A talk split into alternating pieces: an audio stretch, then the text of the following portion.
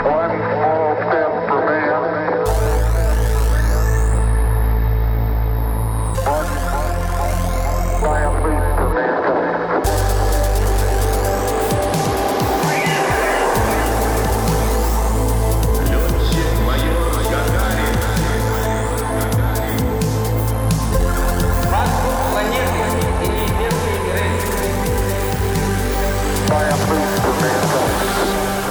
Hei og velkommen til Spacepoden Romsnakk i sofakroken. Podkasten er laga til oss i studentorganisasjonen Space NTNU. Vi tar opp små og store ting som kan knytte oss opp mot verdensrommet, for å gjøre dem lett og interessante å høre på. Mitt navn det er Erlend Sandblåst, og jeg er host for podkasten. Og med meg så har jeg jo selvfølgelig CMO, Alexi Gusev. Hei, Erlend Heilen. Takk for introduksjonen. Og det er litt sånn dumt å ha en spacepod uten å ta med seg ting fra verdensrommet. Tidligere så har vi hatt noe som har vært på den internasjonale, internasjonale romstasjonen. Men i dag så har hun jo med oss en rockestjerne, Alex Rosén. Hyggelig å ha deg i studio. Takk, tusen takk. Hvordan er det å komme hit? Fantastisk. Jeg ble veldig imponert. Kran i taket og Ja, det, det, ikke uten det. Da, altså for lytterne så sitter vi her inne i det som kalles scenerommet, da. Og det er litt sånn eh, mye som foregår oppi i taket her. Ja, dere mangler bare sånn høl til raketten. Ja. det, ja, det, det, det får noen av de propulse fikse, sånn at vi allerede kan begynne å skyte den opp. Ja. Men du, du har jo en eh, egentlig ganske spennende karriere. Altså, du har jo både vært artist, eventyrer, programleder og mye, mye mer. Eh, og jeg vil egentlig bare kalle det stort sett bare en entertainer. Det er jo det du er. Jeg har gjort bare det jeg vil. Ja. Gjennom livet. Det er jo akkurat derfor jeg, For det første jeg tenkte, var jo eh, Hvorfor har han noe med Space? Og det tror jeg mange lurer på. Hvorfor har vi tatt med Alex Rosén hit på Spaceboden? Og jeg tror det er noen som vet det allerede, men det, hvorfor har vi det, Alex Jo, fordi jeg, jeg har en uh, podkast som heter Alex Rosén reiser til Mars. Nettopp. Og det er jo det vi skal snakke om i dag.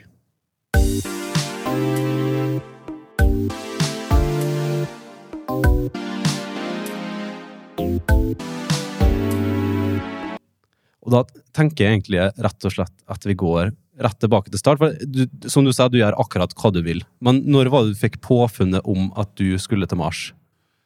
Eh, Det, å leve, da, det er egentlig å putte masse bilder inn på et blankt ark, eh, som går på kontoen for opplevelser. At skal, man må oppleve masse for å bli på en måte lærd og bli ferdig med å leve, da. Og det har jeg gjort hele tida, egentlig helt siden jeg blei rockestjerne i 1989 til i dag. Så har jeg alltid bare tenkt at hva er det jeg ikke har gjort nå? Hva må jeg gjøre nå? Jo, nå må jeg oppdage Da må jeg bare gjøre noe mer stand, og, det, og da tenkte jeg at jeg måtte oppdage Nordpolen. For det var lenge siden jeg hadde vært på Nordpolen. ikke sant? Fridtjof Nansen hadde vært der for 100 år siden. Så da må du, der må du liksom steppe inn litt der. Ja, da må noen dra til Nordpolen da, ikke sant? Og, og, og oppleve det.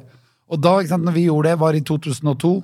Og da var det en, Vi hadde tre mål med den turen. Det ene var å sette verdensrekord i å seile nærmest Nordpolen uten å fryse inne. Det andre var å påvise global overoppheting. Eh, altså, for det var jo allerede da snakk om at jorden blei varmere, og at isbreene smeltet.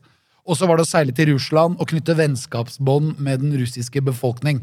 Hele mitt liv. Så, så du hadde mye ting du skulle gjennom eh, på den turen? Ja, men målene var veldefinerte. Det var ikke noe problem med det. Eh, og Derfor så har jeg alltid brydd meg om dette her med global overoppheting, og jeg tror ikke på dommedagsprofetier.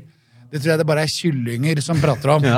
Fordi at det er, det er bare tullball. Jorda kommer til å gå rundt sola uansett hva vi gjør. Om det blir verdenskrig og vi bomber alle landene tilbake til steinalderen, så kommer fortsatt jorda til å gå rundt sola. Og derfor så vi klarer ikke, vi, Mennesker kan påvirke mye, men vi klarer ikke å påvirke alt.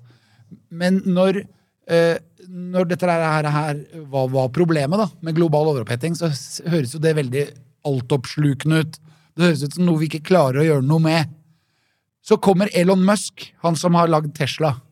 Så kommer han, og så leser jeg boken om han fra hans studietid. Og var Og da, da snakker vi 80-tallet Ja, og eh, tidlig 90-tall. Så allerede da var du på Musk? Nei, nei. men etter at jeg var på Nordpolen, Ja, okay. Mm. så fikk jeg tak i den boka. Det var når han ga ut den første Teslaen. Da begynte jeg å bli interessert i han. Fordi uh, uh, vi hadde prøvd å lage elbiler i Norge i mange mange år. Ingen klarte å gjøre det skikkelig.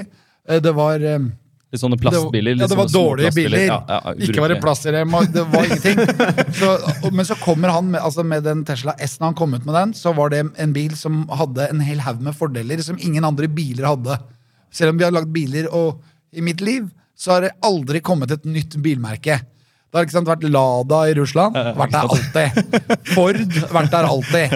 Mercedes, eh, BMW, alt har vært der alltid. Og når det da plutselig kommer en fyr og lager et bilmerke og overtar bilarenaen Det skal mye til.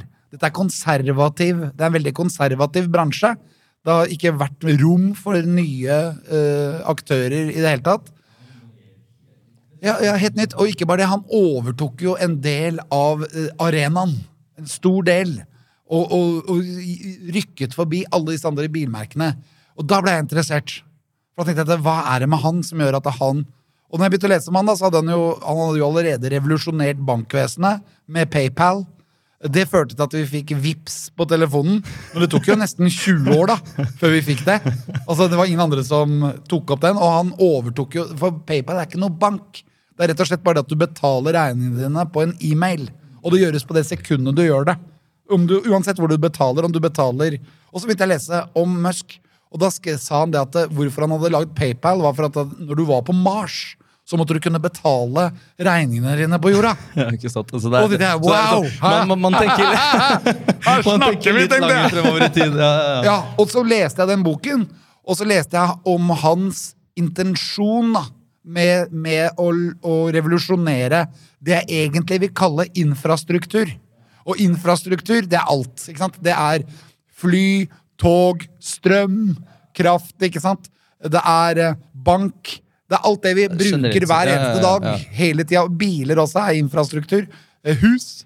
eh, både der du bor, og der du jobber. Alt er på en måte infrastruktur. Og det var det Musk revolusjonerte. Og da har vi jo ikke sett Vi har bare sett toppen av isfjellet, for det kommer mer. Og hvis du følger Elon Musk på, på, på Twitter, så uh, kommer han jo med en oppfinnelse i uka. Ja. Og jeg leste nå, eh, det var forrige uke, så kom han ut med en tegning på hva han vil kalle en uh, vakuummotor. Og det er helt nytt. Så det, ja, han, han, bare lager, Han bare finner opp ting hele tiden. Men det er, Ja, det er, litt, sånn, det er litt måten å leve på for han. da At han Ja, må det er, alltid det er oppleve nye ting. Petter Smart Ja, ikke sant? Ja, på mange fra måter. Donald. Ja. Han gir seg aldri, sånn, liksom. Nei, gir seg aldri. Og han øh, revolusjonerer da satte industrier på alle plan. Og det kom også, og når jeg leser den boka, da, så det som eh, jeg fikk mest respekt for han ovenfor, da, det var at det var hvorfor gjør han det? Hvorfor gjør Musk alle disse tingene? Og så sier han, og dette er ikke en bok som er skrevet av Elon Musk, den er skrevet av en journalist som har fulgt han siden han gjorde sine doktoravhandlinger og siden han gjorde sine eksamener. Så har han fulgt eh, Musk. Og, det, og, og grunnen til at han gjør det, er for å redde jorda fra global overoppheting. For det er du veldig opptatt av. Ja, men Det var så bra! Det er ingen som har tenkt på det. Her har vi altså masse politikere i hele verden. Masse folk som liksom, de legger avgifter på bensin for at du ikke skal kjøpe bensin til bilen din. Fordi at de skal ha mindre utslipp i verdensrommet. Men det skjer jo ikke. Det eneste som skjer, der er bare at du får en litt høyere lønn neste år. ja, Du kan ja, fortsette å kjøpe den bensinen. Og, og ingen Visjoner er noe politikerne ikke har hatt siden annen verdenskrig. For de, de, da hadde de visjoner, for da hadde de bomba i stykker hele Europa og hele uh, Asia. He, verden lå brakk. Og da var det visjonenes tid, fordi det var arbeid til alle. Det, eh, vi skulle bygge opp landet igjen, i Norge i hvert fall. eh, Sikkert i Russland også, men også i England. Alle disse, og Tyskland var jo helt i, ferdigbomba. Da var det visjoner blant politikerne. Men så lenge jeg har levd, så lenge jeg har levd, så har det vært Kanskje Gro Harlem Brundtland hadde én visjon, og, og, og kanskje Kåre Willoch hadde én visjon. Men det var ikke det var ikke. Men det var ingen som hadde altså, Global overoppheting hadde jo ikke kommet på dagsordenen ennå. Det var noen som snakket om naturvern, men de du hørte, de så du på som raringer. Ja. ja, Før i tiden så var Ja. jo det uhørt liksom, at man skulle vurdere faktisk å drive stenge ned og sette opp bompenger. Og, Og du på hadde en fyr som het, Ja. het Erik Damman, Ja. og folk var mer opptatt av at han ikke spiste svinekjøtt, enn at han skulle redde jorda. Og det, og det var ikke snakk om å redde jorda heller, for det, var, det hadde ikke blitt noe problem ennå. Men så kommer da Elon, da, som faktisk skal redde jorda. Og han er ikke politiker, og heldigvis er han ikke politiker, for han har ikke fått til en dritt. Fordi de bruker, de bruker ofte litt tid på å gjøre, Ja, de, gjøre ting. ja. Og de har jo ikke visjoner, de er visjonsløse. Torbjørn Jagland var eh, statsminister på 90-tallet i Norge. Ja. Han hadde en visjon, og det var Det norske hus. I dag er det ingen som husker hva det var engang. Det var Sikkert noen som har visjoner, men absolutt ikke alle. Det er ja, men da tenker jeg sant, at det kommer en fyr som faktisk har tenkt å finne en løsning på å redde jordas ting, krise. Ja. Og Og, han- det er så bra! Selv bare tenker jeg, det er bare det, er det jeg venta på. Det var på en måte min tids Lyngordon. Hvis du husker Lyngordon, han skulle befolke planeter av Dette er en 50-tallstegneserie. Eh, Men han var veldig kjent for mine foreldre. Og for min bestefar så visste de hvem han var. Sikkert ikke noe vi har sett, men, Nei, men Nei, men Du kan google det, og så ja, se på det. Ja, ja, ja. Og men, men han, hadde, han skulle ordne opp alt, men han var som en Supermann eller en Batman eller en Spiderman. Han var jo, ikke, han var jo bare en, en tegneseriehelt. Men så kommer en fyr som lever nå, og som er på en måte litt tegneserielt. Ja, det er så morsomt når, du, når, når han prater, så sier han at Maybe I'm an alien. ikke sant? At han gjør noe helt annet. Ja, det digger jeg! Han er, og så sitter han og så røyker feite. Altså, han sitter og røyker hasj på TV. Og da tenker jeg at da det, bryr du deg ikke så mye om aksjekurser Og og, alt det, det som gå. er seriøst i firmaet ditt. da. Ja, ja. Så på en måte så han, han gir litt blaffen i penger. Men målet hans er å redde jorda. Og da tenker jeg at, og Jeg har jo snakket med Erna Solberg, jeg har prata med Jens Stoltenberg om forskjellige ting. Og da spesielt hvordan vi kan redde jorda. Og han sier bruk av solcellepaneler. Og så sitter vi i Norge og bygger vindmøller overalt som nesten ikke gir kraft. Vi har, jeg, har vært, eh, jeg var sammen med Aune Sand i et program hvor, som heter Alex og Aune, hvor vi knytter vennskapsbånd med lokalbefolkninger. Og da var vi nede i, i eh, Bremanger, og der er de altså verdens flotteste fjell, men alle er ødelagt med vindmøller. Og Elon Musk sier jo at vindmøller gir jo ikke kraft. Ikke sant? Så da må- og- du da må du ha masse vind, ja, ja. og så blåser det ikke der. Jeg tror den ene vindmølla gikk rundt én gang på 14 der. Jeg var der. Jeg at oi, Det var ikke et batteri engang.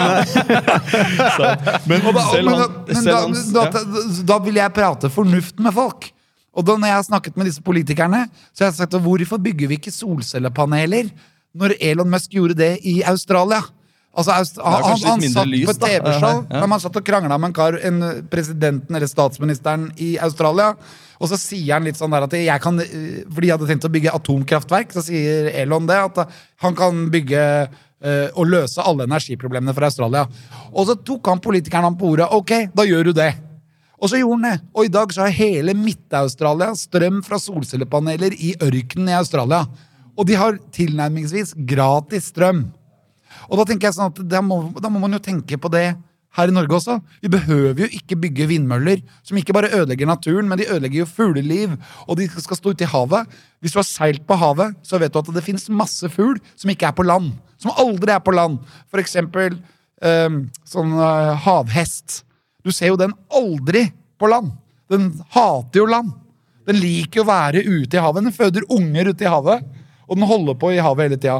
Og de kommer ikke til land. Og hvis vi skal lage masse vindmøller som skal stå rundt og veive rundt og se om de kan treffe noen av de fugla Så det det er, jo, det er jo bare tullball. Et, et solcellepanel det kan vi bruke for eksempel utenfor Kirkenes. Nå er jo dette her langt nord, men det har ikke så mye å si.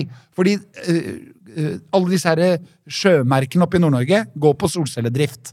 Og de har ikke noen ledning til land, og det holder. Selv om de har mørketid. Det holder bare med litt lys, så er disse solcellepanelene i gang. Og der oppe har de drivet og bygd en sånn gruve da, som er ødelagt. Si 150 fotballbaner da, utafor Kirkenes er ødelagt av gruvedrift. Det er, det er solcellepanelsted! Perfekt. Og- ja, Bare legger opp. Og så må de linkes opp med batterier. Et solcellepanel som bare hjelper strømmen din, og, og, og vil da forsyne strømanlegget ditt, er egentlig tullball. Du må innom et batteri for å kunne eh, lagre den energien. Og det er jo hemmeligheten til Elon, da. Han sier jo det. Et solcellepanel uten batteri er jo Så, waste. Jeg merker jo du har eh, satt deg godt inn i, i, i klimadelen av eh, Elon. Men er det, Ja, ja, er det ja, alt det, det- som gjorde at du på en måte plutselig tenkte at vende deg til Mars-delen? fordi det var ingen som hadde en løsning på det. Plutselig mer så av det, kommer ja. en fyr som har masse løsninger. Ikke sant? Og målet hans er å redde jorda. Og, og da tenkte jeg at da, ok, eh, jeg har jo veldig mye interesse for verdensrommet og for stjerner og galakser og svarte høl og alt det som fins. Det har jeg fra min far, fordi han hadde stjernekikkert. Og den sto i, i stua. Vi bodde på Grefsen i Oslo.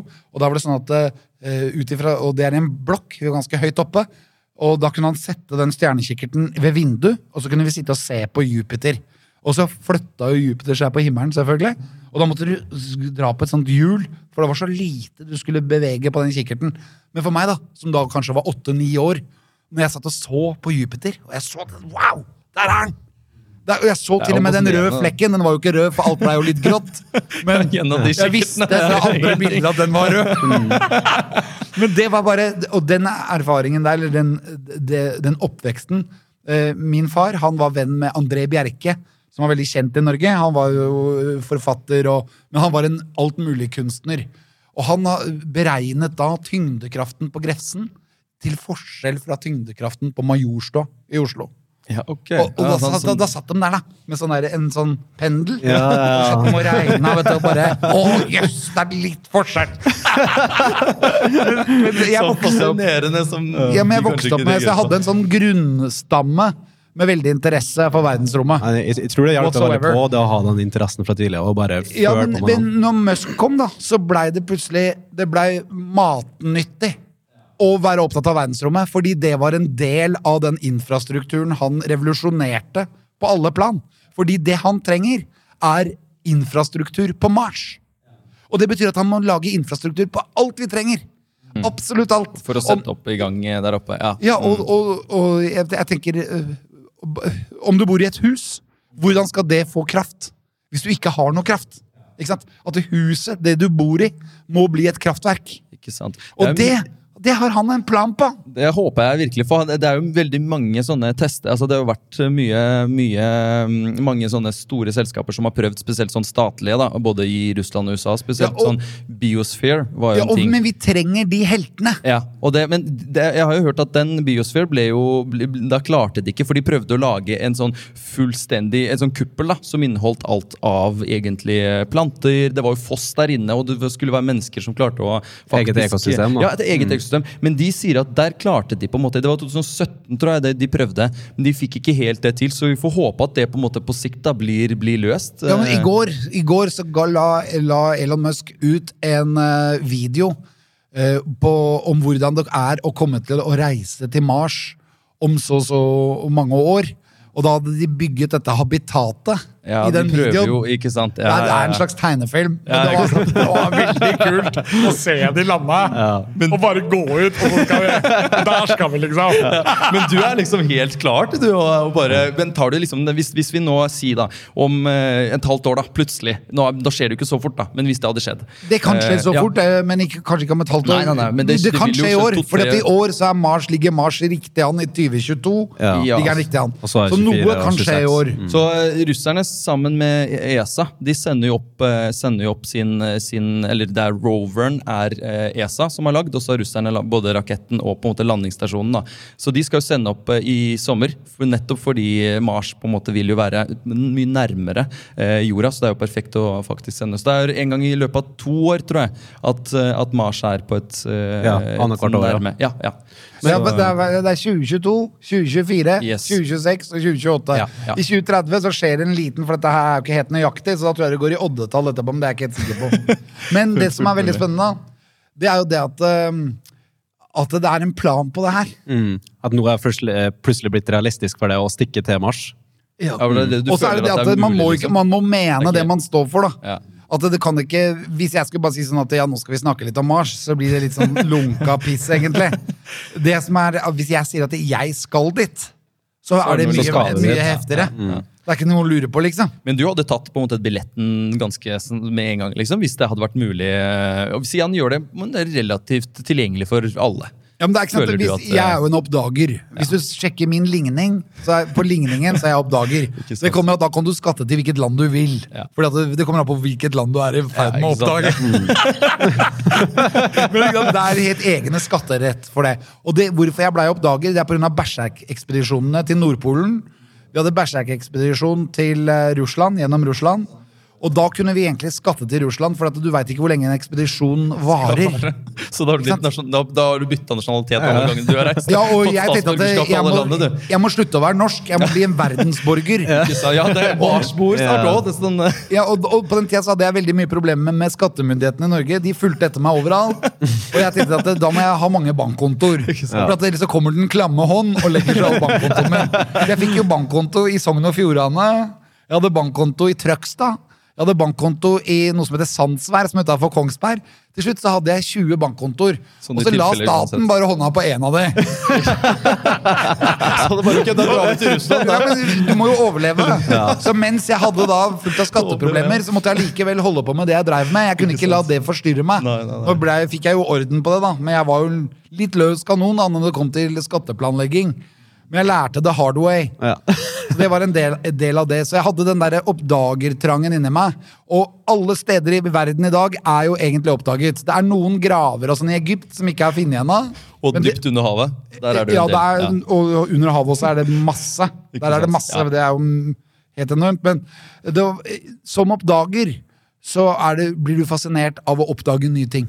Og da dukket jo Mars veldig beleilig opp, fordi der har det ikke vært noe menneske ennå. Eh, når Fridtjof Nansen skulle til Nordpolen, så hadde det jo ikke vært noe menneske på Nordpolen. ikke sant? Derfor var det Nordpolen spennende. Samme Sørpolen. Når Christopher Columbus oppdaget Amerika, så var det Amerika som var spennende. Men akkurat nå, i vår tid nå, så er det jo Mars. Men du det- føler ikke månen er eh, spennende? da? For det er jo, den er jo nærmere med tanke på muligheter. Månen er veldig spennende. Og jeg er veldig opptatt av alt. Jeg husker at jeg lever, og jeg syns nesten alt er spennende. Til og med en matrett.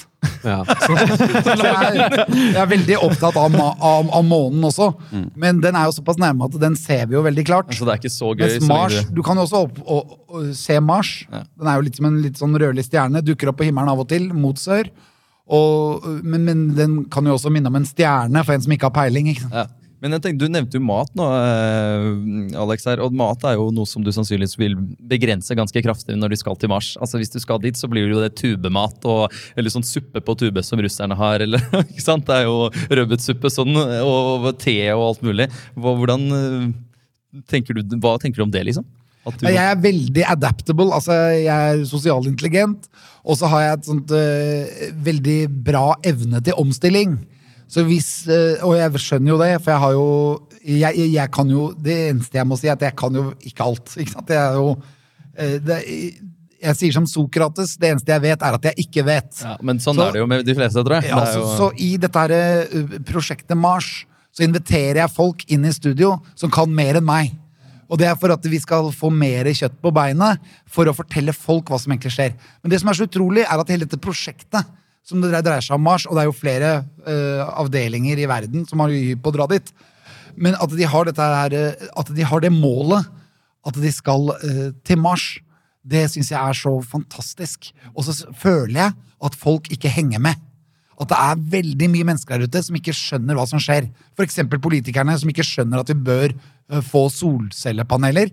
Eh, og- eller vann også. Vann er, er kjempeviktig, og vann kan gi energi. Ikke sant? Som f.eks. Eh, brønnboring for å eh, lage kjøleskapeffekten med varmeveksler for å ha varme i huset ditt.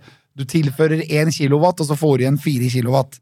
Veldig smart. Men, du, men i Norge så kunne vi bygd kraftverk som bare dreide seg om det, istedenfor å brenne søppel og sende det varme vannet ut til folk. Men jeg lurer på, du, du, du sa jo det, du driver og får inn folk på podkasten for å få mer informasjon, for å få kjøtt på beinet. Hvilke andre spesifikke steg har du gjort for nå å komme nærmere Mars?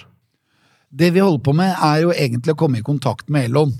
Så vi har tenkt til å reise over til han når vi får dette her, her i stand. Nå fikk jeg en del beskjeder i går om at eh, vi har en kontaktperson som kjenner Elon. Ja, ok, Så du har begynt å koble opp eh, Ja, for vi, han er ofte i Oslo, Mm. og han kommer dit ofte for å, fordi at Norge har jo, siden det er gratis å kjøre elbil, tilnærmingsvis, nå har det jo kommet litt avgifter, men det er jo ikke mye. Men eh, på grunn av det, og at Norge er såpass stor eh, Tesla-kunde, ja, da, ja, ja, ja. så er han i Oslo rett som det er. Og da tenker jeg enten å møte han der, og få, for jeg har lyst til å gjøre akkurat som dere intervjuer meg. Skal jeg. Jeg skal intervjue han! Det er jo så masse spørsmål til han. Ja, ikke sant? Og det er så mye jeg lurer på i forhold til eh, alle disse planene hans. Fordi han har jo tenkt på alt. Han tenker jo på alt som en planet trenger for at den skal fungere for seg selv. Og det er jo bare helt utrolig. Og det blir jeg veldig fascinert av. Og jeg ser jo det at eh, dere, for eksempel, som er eh, unge da, i forhold til meg, dere har så mye å glede dere til, for dere kommer til å oppleve så mye i forhold til dette her. Akkurat og nå det. i mars så skal uh, Spaceship, som er dette raketten som skal til Mars, den skal skytes opp i, ma i mars. Er Og da skal den gå én gang rundt jorda. Én runde. For den har jo ikke gjort noe annet nå enn å gå opp til skyene, og så skal den lande igjen. Så går den opp til skyene, og så lander den igjen. Den er jo svær, den raketten.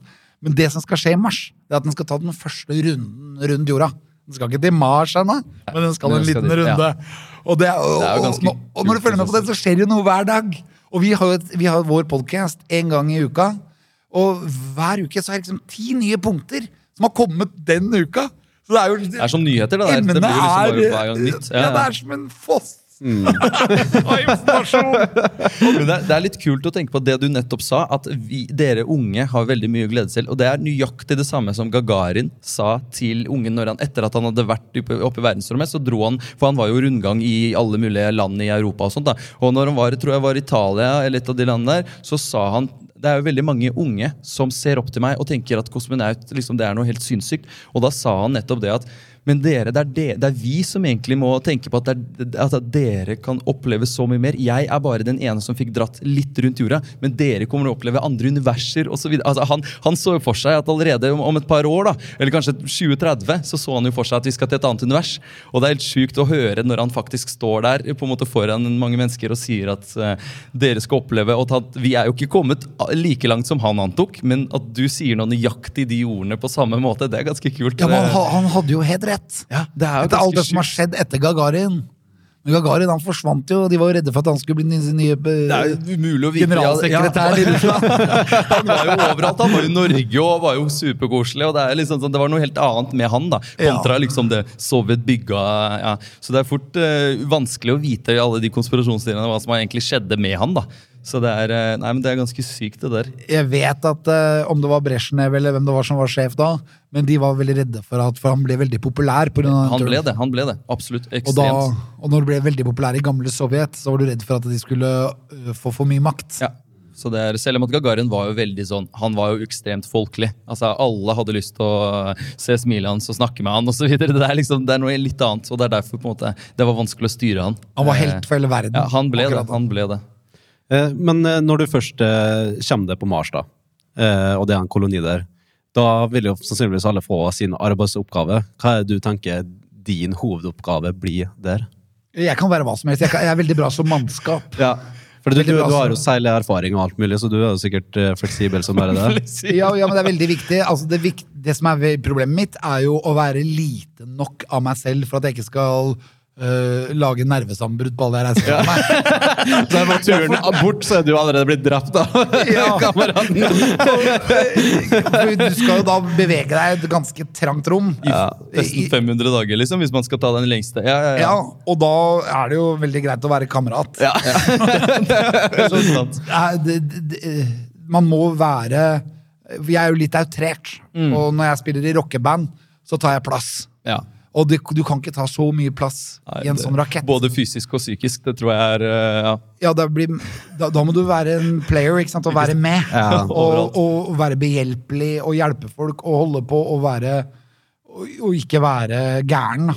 Jeg føler, er jo litt gæren. Men føler du når du har vært på turné og når du har vært på sånn seiletur, at du har erfart liksom hvordan det blir å Være sitte med. på Ja, en lange turer I i en båt så er det jo akkurat sånn. Mm. Eh, hvis det er én en som er et rasshøl, så dukker han opp i båten. og, og, og du skal ikke seile langt heller før han, før han gjør seg til kjent. Så du er bare redd for å bli den personen, du? Nei, altså Jeg har jo hatt med meg så mye folk på seiltur. Som er verre som, Og, ja. ja, og, og jeg, jeg skjønner jo hvem jeg må sette, sette i land. Det var bare en kjapp eh, tur innom eh, neste kai. Døren stenger der. Og så sender du den inn på bordellet, og så så det er et sted for deg, men ikke der. Ja, absolutt. Og det er jo egentlig da NASAs oppgave, og også SpaceX sin oppgave, å finne hvem av disse astronautene er det vi ikke kan ha med oss. Sånn du kan dra med sånn. Ja, Ja, ja. men Kjøp dere en seilbåt, Stikk ut i Trondheimsfjorden og så seil ut i Hitra. Jeg lover, Før du har kommet til Hitra, så har du funnet ut hvem som er dust.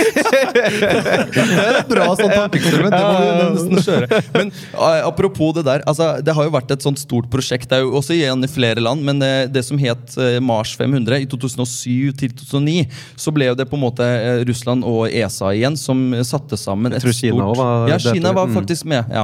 Det var et ganske stort, eller veldig stort prosjekt hvor man lagde en, en en sånn isolert område. Hvor du hadde på en måte Du kunne gå um, et område som hadde sand, et område som hadde liksom imiterte månen, imiterte Mars. Hovedsakelig var det jo Mars, da. Eh, og så var alle områdene veldig lukka, så det skulle imitere at du flyr da til Mars. Og så når du har landa der, så skal du ut og gjøre oppgaver. Og folk ble jo eh, frivillige, da, naturligvis, eh, lukket der inne i 500 dager. Og det var jo da på en måte folk som er, de har øvd på det. Altså Det er jo masse trening som er gjennomført. Og det var ulike, folk fra ulike land. da. Og etter den, det sosiale eksperimentet der, så fant man jo ut at det er jo ekstremt mye sånn, sånn som du nå også forteller, det sosiale eh, vansker. Altså det Folk blir litt gærne uansett hvor bra trente For det- de er. Ja, og, og psykopaten, han Ja. trer frem. Ja, men selv, selv, om at, selv om at man hadde trent dem ekstremt lenge, så fant de ut blant annet en ting. Det var bare menn første gangen.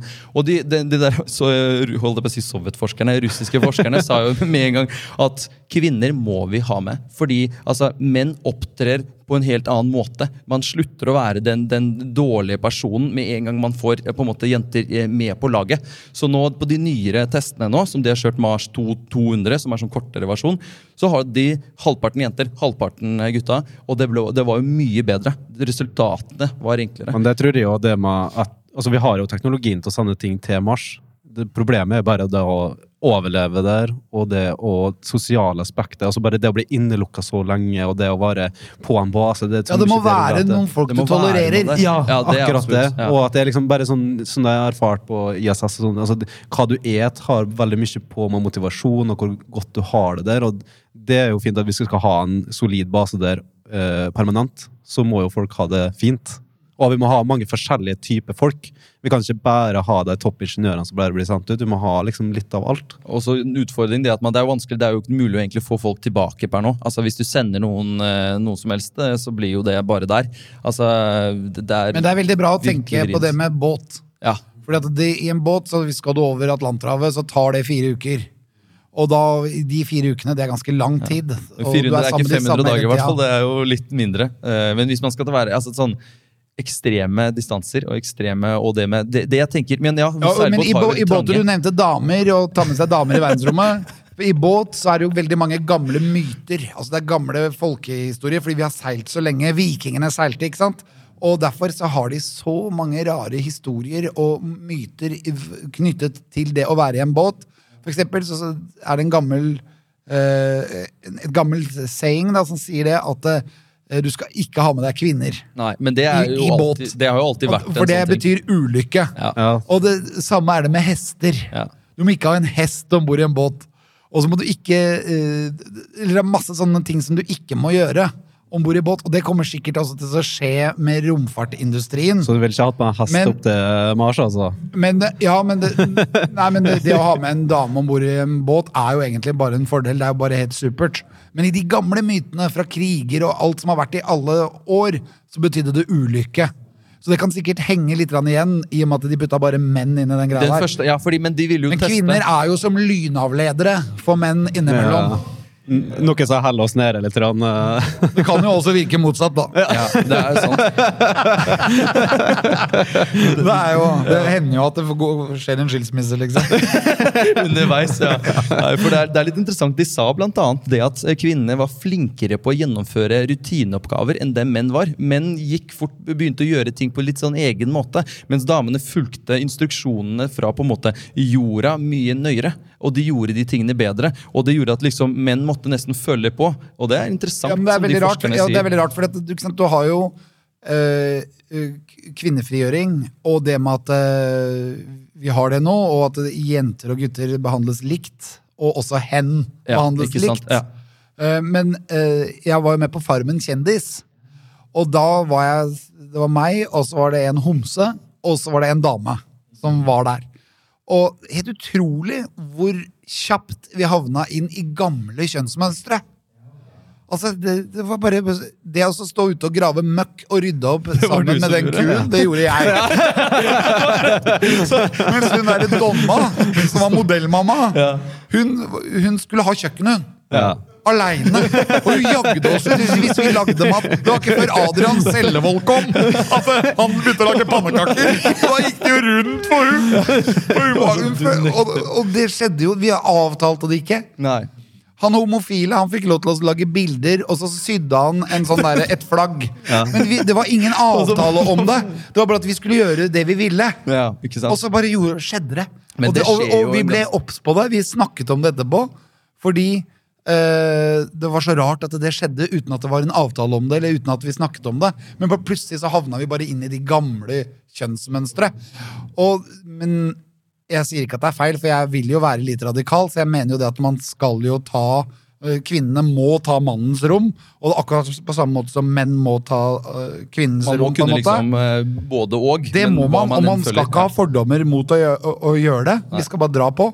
Men eh, veldig rart at det skjedde uten en avtale, uten noen ting. At Donna bare ble husmor, liksom. Ble, ja. Og det, og det funka jo som bare det. Det var ingen som krangla. Alle var fornøyd. Men Og det- hun, for hun ville ikke stå og måke møkk. Og, og når jeg skulle Ja, for det er en dassen. Bare glem det! ass. Donna var på den andre siden av gårdsbruk. Så det samme skjer nok hvis man skal til Mars. Jeg bare plutselig, nei, nei, nei. Ja, men det, Jeg tror egentlig at det kanskje er bra, da. For at på Ja. Mars så vil det også være, men der vil det jo helt sikkert være så nøye. Man Vi er veldig nøye. ja, Man får instruksjoner om hva man gjør, Ja. Mm. og så gjør man det. Jeg tror Det vil jeg, det vil jeg tro, fordi at det, For det er det, Det er også, jo- Når de testet det her, da, eh, da var det jo veldig sånn De gjør jo direkte det de får beskjed om. Eh, ja, men På jo noe- så turte vi ikke ha med jenter. Nei. når Vi var. Og det kom av at det ble en sånn slags sjalusi. Og den dukka opp, for, vi, det, vi var jo fire karer om bord i den båten. Den båten var 27 fot, det vil si at den var litt mindre enn scenen her. Det var sånn herfra liksom forbi der. Ja, ja. Og vi var jo på Riddu Riddu-festivalen i Nord-Norge. Da hadde vi seilt fra England og opp. Og hadde vært i båten i halvannen uke. Og så kom vi opp på Riddu Riddu, og da var det jo masse jenter. Og det, var, det er en samefestival, da. Hvor liksom 5000 samer samles i en dal og drar på fylla. Og, ja, og, Det ja, og det er full festival. Og så kommer det da et par sånne veldig søte, glade samejenter om bord i den båten. Og det ble veldig mye krangling mellom oss gutta. Hvordan og hvem skal- som skulle være Med de og Hvem som skulle gjøre seg til for de damene. da Ja, ikke sant. Og det, det var litt sprøtt å oppleve. Og da husker jeg Jarle Andøy, da, som var kaptein om bord. Han sa det at vi kan jo ikke ha med oss damer om bord! Og da leste vi om det i gamle dager, da, at det var, at det var liksom eh, Det er sikkert det som er ulykka, da. Hvis det, ja, så, for problematikken er, som, som jeg også har hørt før, da, er at liksom man blir, begynner å bli interessert. Ikke sant? Noen har lyst på det, og så blir det krangling. Og så hva hvis det, hva hvis Ja, det blir det som er målet med Mars, da, det er at det- Elon har tenkt å gjøre Han har tenkt å sende nå i løpet av 10 år, kanskje 15 år, 1 million mennesker fra jorda Og da blir til Mars. noe annet. Da blir Ja, det absolutt noe annet. Da må, vi, da må alle oppgavene i verdensrommet og på Mars uh, tas. Ikke sant? Og da trenger du Da trenger du kokker, og du trenger uh, uh, artister Du trenger alt det du har på jorda, ikke sant? For at folk skal trives. Så da har det jo egentlig betydelig det, blir- det blir jo annerledes hvis det blir mange, men problematikken er det første. Altså Om det blir sendt åtte stykker, eller ti stykker, eller 20, eh, for den saks skyld, så blir det jo alltid så vanskelig den første fasen der. De må få instruksjoner, og de må være sånn ok, her må jeg Ingen Den forhold, første, ingenting. den første fasen, det tror jeg, selv om jeg er ikke helt sikker på det, men det, det fins jo folk helt sikkert i salen her eller på skolen her som veit bedre dette enn meg, men det vil antageligvis være eh, Oppe på Mars vil det være en måte uh, hvor den byen som skal bygges For det skal bygges to byer, ifølge Mus- Musk, og de vil antageligvis bygge seg selv. Ja, for det er det jeg også har hørt, at det, Sånn det skal, Man skal jo sende en del utstyr. Ja, der når du skal- kommer opp der, så er det et habitat. Ja. Og det er vann. Det er luft. Det er antageligvis ting som vokser der også. Det er mat. Eh, I filmen The Martian så er det jo det, det, Ja, da det må er du jo ikke litt så. Ja, Den er ikke så urealistisk. Nesten. Nei, Med- med- med- ja, med, med Elon Musk så tror jeg den The Martian faktisk eh, begynner å bli mer og mer realistisk. Ja, at og, man kan dyrke ting. og, og, og, og disse delene av rakettene kommer bare til å gå av seg. Så kommer de til å være akkurat like selvkjørende som en Tesla. De kommer til å sette seg sammen, og så blir det bystrukturer. Ja, for det, det bygges seg sjøl med roboter og sånne ting, og så kommer det ferdig, liksom. Ja, Så når den første mennesket lander på Mars, så er det bare å gå inn en dør. Du slipper å ta fram Ikea-instruksjonene da, liksom, og mekke opp det. ok, gjør man hva- det her, hvor går vinduet? Den eller den retninga? Altså. Det hadde tatt en god stund å Men gjøre. eh, Altså. nå ser jeg at eh, tida holder på å gå ifra oss. Ja, men det jeg tenker på da, er at noen, noen Jeg må bare si her, Noen må ta rollen med å være først. Og det er den jeg er hypp på. For jeg er alltid Jeg mener at det å være litt modig, da Litt sånn at det, Du må mene det. Det må være subjektivt. Du må ville gjøre det. men det veldig Og det tenker jeg det, Og det er ingen som gjør det. Og når jeg, når jeg har lest dette her, så er det ingen jeg ser som skal til Mars. Nå har jeg møtt en del da som er på samme bagen. Men du må være modig nok. Skal du til Nordpolen og sette verdensrekord i å seile nærmest, så må du faktisk gjøre det. Og det Men det er veldig spennende med det at du har mange forskjellige typer ambisjoner, og så liksom kjører du på, og så gjennomfører du du òg. Så jeg, Ja. jeg har veldig Det er trua mye på du bedre å være en doer enn å være en sayer. Ja, så det Selv om jeg er jo en sayer nå, da. Men Men kanskje du blir en duer til slutt? Vi eh, har en liten uh, ting til det her. Skal du synge sang? det- det, Alexi, du kan du jo eh, Introdusere, kanskje? Ja. Nei, vi har en eh, liten eh, gave til deg. du kan eh, starte med å Alex, holde den her. Du, som du er det skal strøm? denne? Du skal se, Hvis du finner den fram ganske raskt, der, Erlend, så skal du få lov til å se at lukter jo. Ettersom du er den Så, Den er nylagd, den er nylagd faktisk av oss. Så skal du Det er- få putte denne her oppi, hvis du holder den frem her. Se her, da. Dette her er dødsfett. Dette er jo en pris. Yes, og, Der er Alex Rositentprisen. det, Åh, kult! og her Skal du- er det det vi ser da, For lytterne som kommer til å se på oss, eh, høre på Se den, Spaceboden, da. så er det da en, eh, en eh, pris som man har fått, på en måte. Eller? Det er Spacepod-prisen! Tusen takk! Så, Jeg, vet, jeg gir jo bort en pris, jeg òg. Martin Skildes ærespris. Ja. Den pleier jeg å gi til folk som gjør eh, eksepsjonelle ting. Men det, det, at, å Det er på vegne av Bærum kommune. Ja, ikke sant? Ja. Men det å ha det, deg her men jeg, får jo alle, jeg har aldri fått en pris i hele mitt liv. Jeg, jeg har fått én av Dan Børge Akerø i fylla. altså, vi, vi setter veldig pris på at du har fått komme hit i dag, og vi syns du er en veldig fantastisk person. Og vi heier på det på reisen til Mars. Ja, Alex Rosén reiser på Mars, hører på podcast. ja, hør på podkast. Den er ute på Spotify og sikkert på andre Nei, det er utrolig. Det her må du ta bilde av. Ja, så nå, nå har vi fotografen her framme. Og det er faktisk Tusen han takk. fotografen som har lagd den selv. Ja. Altså, Han Mm. har faktisk 3D-printa og gjort masse forskjellig til å få skåret den ut. Så det, er, det her er bare takk. én av uh, akkurat den der. Så, den Så er det en mikrofon Yes. i den raketten. Som er vår, uh, vår logo. Det er som en, uh, det er som en satellitt. Ja, det er veldig fint at du uh, setter pris på den. Ja, Altså. vi har jo ikke snakket om nesten noen ting, da. Nei, Vi har ikke vi har nesten ikke rukket, men vi må dessverre Jeg der. jeg ville der. snakke om Starlink. Og jeg, Ja, ja, ja. Det, Du må nesten komme igjen. Vi får nesten komme igjen, eh, Alex Rosén, for vi må avslutte. jeg er betakunde. vet du. Eh, Men tusen takk for at du kom. Tusen takk for at jeg fikk lov til å komme. Mm. Og tusen takk til dere lytterne som hører på. Og for de som eh, ikke vet om det, så sitter jo nå at publikum foran oss her. Så hvis vi får en liten applaus fra dere her, så vi hører uh, og hvis dere syns dette var interessant, så kan dere høre på podkasten vår på din prefererte podkastplattform. Uh, eh, hvis dere har lyst til å lære mer om eh, Space NTNU, så sjekk oss ut på sosiale medier, eller sjekk oss ut på nettsida vår ntnuspace.no. Det var det vi hadde for i dag. Takk for oss.